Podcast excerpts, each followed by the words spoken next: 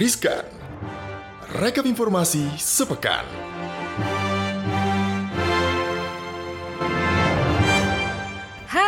Sobat Cuan, selamat akhir pekan ya. Ketemu lagi di Riskan Rekap Informasi Sepekan Kali ini. Alin cuma sendiri Kalau biasanya sama Gibran gitu ya. Sekarang sendiri aja, tapi nggak apa-apa. Sobat Cuan nggak sendirian Karena ada Alin yang nemenin di segmen Riskan alias Rekap Informasi Sepekan. Nah salah satu informasi yang bisa jadi ini adalah highlights of this week gitu ya Selain ada kemarin tuh sempat ada uh, debat pertama calon presiden Amerika Serikat gitu ya Antara Joe Biden dan juga Donald Trump yang banyak banget tuh udah jadi bahan meme gitu ya di mana-mana di sosial media gitu. Nah, sekarang ini hari Jumat tanggal 2 Oktober ini menggemparkan. Ini jadi breaking news Presiden Amerika Serikat Donald Trump positif COVID-19. Nah, ini Trump ini mengatakan bahwa dirinya dan sang istri Melania Trump dinyatakan positif terpapar virus corona atau COVID-19 dan akan dikarantina udah dikarantina sih katanya sekarang gitu ya. Dan untuk kepulihan mereka berdua gitu dan akan melewati bersama katanya segitu di cuitannya di sosial di sosial media tanggal uh, eh, 2 Oktober 2020 hari Jumat waktu setempat. Nah, sebelumnya CNBC Internasional ini juga melaporkan ajudan sama sama penasehat dekatnya Hope Hicks gitu ya positif virus corona ini uh, ajudan dan juga penasehatnya Donald Trump dan sebelumnya si Hope Hicks ini bersama Donald Trump ini melakukan sejumlah penerbangan gitu. Dari hari Selasa 29 September 2020 ya karena lagi kampanye juga kan gitu ya. Ke mana-mana gitu. Akhirnya positif juga. Nah sekarang gue jadi mau nanya sih sama Presiden Donald Trump gitu ya. Gimana Pak? Nyata kan corona itu. Karena kan sebenarnya beberapa saat lalu gitu dia sempat denial nggak mau pakai masker lah inilah itulah banyak lah ya tingkahnya ya seperti biasa gitu. Dan masih ada urusannya sama COVID-19 dan juga sama Amerika Serikat gitu ya. Ini adalah orang-orang kaya di dunia yang tinggalnya di Amerika Serikat. Ini lagi pada berantem.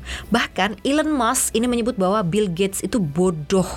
Waduh gimana? Nah jadi nih dua milioner dunia Elon Musk dan juga pendiri Microsoft Bill Gates ini ini semakin kelihatan gitu kalau mereka tuh nggak akur dan hubungan mereka nih agak-agak memanas gitu. Bahkan belum lama ini Elon Musk tuh menyebut kalau Bill Gates itu sebagai orang yang bodoh. Gimana bisa Bill Gates orang bodoh gitu sementara dia selama ini selalu menjadi kiblat kita sebagai orang yang jenius dan juga sukses gitu ya sobat cuan ya. Nah, jadi Elon Musk ini gitu ya dalam wawancara podcast dengan New York Times dia mengecam Bill Gates karena awalnya nih Bill Gates itu sempat juga membuat pernyataan gitu ya bahwa dia menyesali uh, pernyataan Elon Musk yang dianggap kontroversial soal virus corona misalnya tentang Elon Musk yang menentang lockdown gitu. Jadi Elon Musk ini memang um, apa pandangannya terhadap COVID-19 tuh agak percaya nggak percaya gitu.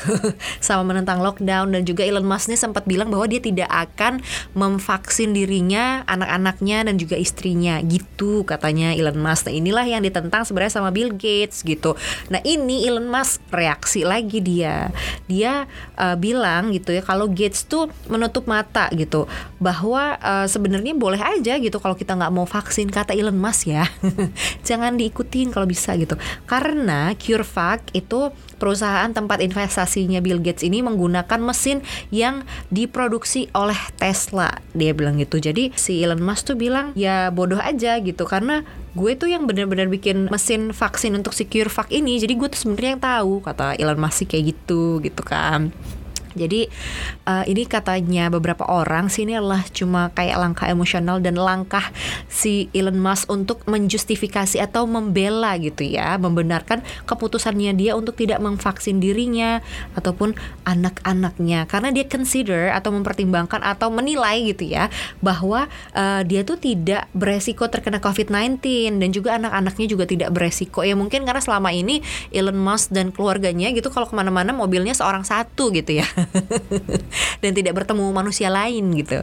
Ya itulah pertimbangannya dia, dia dengan cara pikirnya gitu lah ya sobat cuan. Nah tapi ini ada yang membahagiakan ya sobat cuan ya. Salah satu berita yang paling banyak diklik di www.cnbcindonesia.com ini tentang mungkin pola pikir dan juga pola konsumsi masyarakat plus 62 alias Indonesia yang sudah berubah. Ada kabar baik di tengah pandemi ini. Jadi uh, tabungan warga Indonesia di kala pandemi ini naik 100 triliun rupiah totalnya gitu ya menjadi 1744 triliun rupiah. Itu in total kita semua termasuk Sobat Cuan, termasuk Alin, termasuk Gibran yang nggak tahu ada di mana hari ini.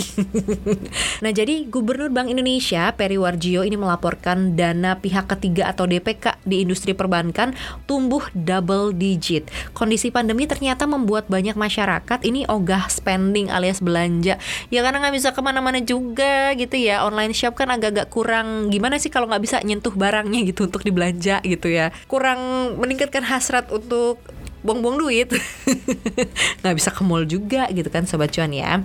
Jadi kalau kata Perewarjio nih kayaknya sebagian pendapatan masyarakat di kala pandemi ini lebih banyak ditabung untuk berjaga-jaga ke depannya gitu. Karena kenaikan konsumsinya belum kuat sementara ada kenaikan gitu ya di jumlah tabungan.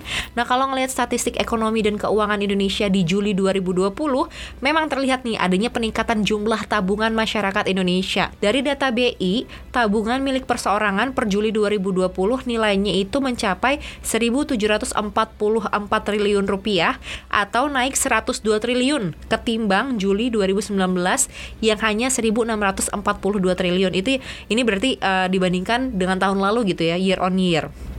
Nah udah gitu juga Financial Times nih nulis di masa pandemi ini memang terjadi perubahan perilaku konsumen yang mengejutkan gitu kalau kata Financial Times. Kayaknya ini banyak orang yang terpaksa untuk menabung karena tidak bisa berlibur gitu ya vacation, bikin konten buat Instagram dan bahkan membatasi pengeluaran lainnya gitu karena ekonominya lagi lesu dimakan COVID-19 karena juga takut juga sih mau keluar ke mana-mana gitu ya sobat cuan ya. Jadi kayak kalau di rumah aja seberapa besar sih duit yang dikeluarkan ya nggak sih paling tidur makan WFH atau kuliah gitu dari rumah uh, mungkin kayaknya masa-masa stres belanjanya tuh udah lewat. Kalau Alin sih memang sempat beberapa bulan awal WFH tuh kerjaannya online shop mulu.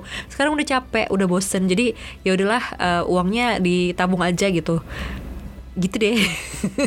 Semoga makin banyak gitu ya tabungannya dan semakin cuan. Jangan lupa diinvestasikan ya sobat cuan. Nah ini juga yang ada hubungannya dengan investasi ataupun juga kerjasama ekonomi gitu ya.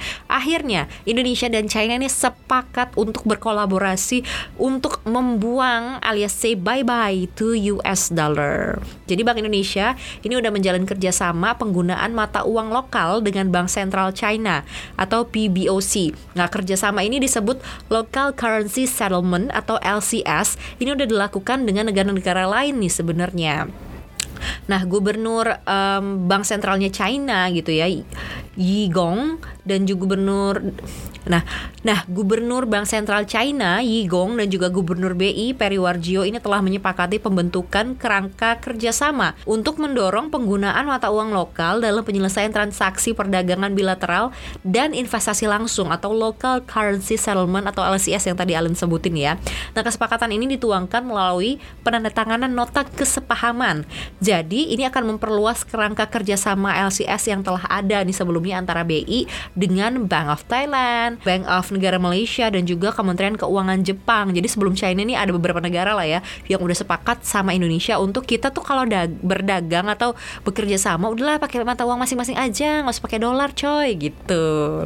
Jadi kerjasama ini menjadi penting nih sobat cuan karena negara tirai bambu ini adalah salah satu negara mitra dagang utama Indonesia dan antara Indonesia dan juga China ini sekarang tidak perlu menggunakan lagi dolar Amerika Serikat dalam berdagang dan juga dalam kerjasamanya gitu ya. Jadi nggak perlu pakai dolar Amerika Serikat gitu terus udah gitu dikonversi ke yuan, abis itu dikonversi ke uh, rupiah gitu kan rempong gitu. Sekarang mau yang ringkas-ringkas aja. Nah dengan kerjasama ini tekanan terhadap rupiah menjadi berkurang nih sobat cuan. Jadi sebagai informasi aja ya nilai tukar rupiah terhadap dolar itu kan kalau dihitung-hitung gitu ya dari akhir 2019 atau year to date sampai saat ini sampai mau penghujung 2020 gitu ya itu melemah 6,84 persen. Jadi saat kebutuhan terhadap dolar Amerika Serikat berkurang gitu ya, salah satunya dengan memanfaatkan kerjasama penggunaan mata uang lokal, maka depresi rupiah bisa diminimalkan gitu. Jadi rupiah tidak terlalu jomplang nantinya terhadap dolar Amerika Serikat. Dan juga kalau dipikir-pikir gitu, kalau misalnya antara uh, si A sama si B ini bisa menggunakan source yang mereka punya gitu. Buat apa berkiblat kepada Amerika Serikat? Bukan begitu? gitu deh ya sobat cuan ya. Untuk riskan alias rekap informasi sepekan di hari ini. Eh nggak di hari ini deng, di pekan ini. Happy weekend sobat cuan. Informasi lainnya yang lebih banyak dan lebih lengkap bisa banget ke www.cnbcindonesia.com atau boleh ya tengok-tengok kita di Instagram at cuap underscore cuan dan juga di Instagram at cnbc Indonesia.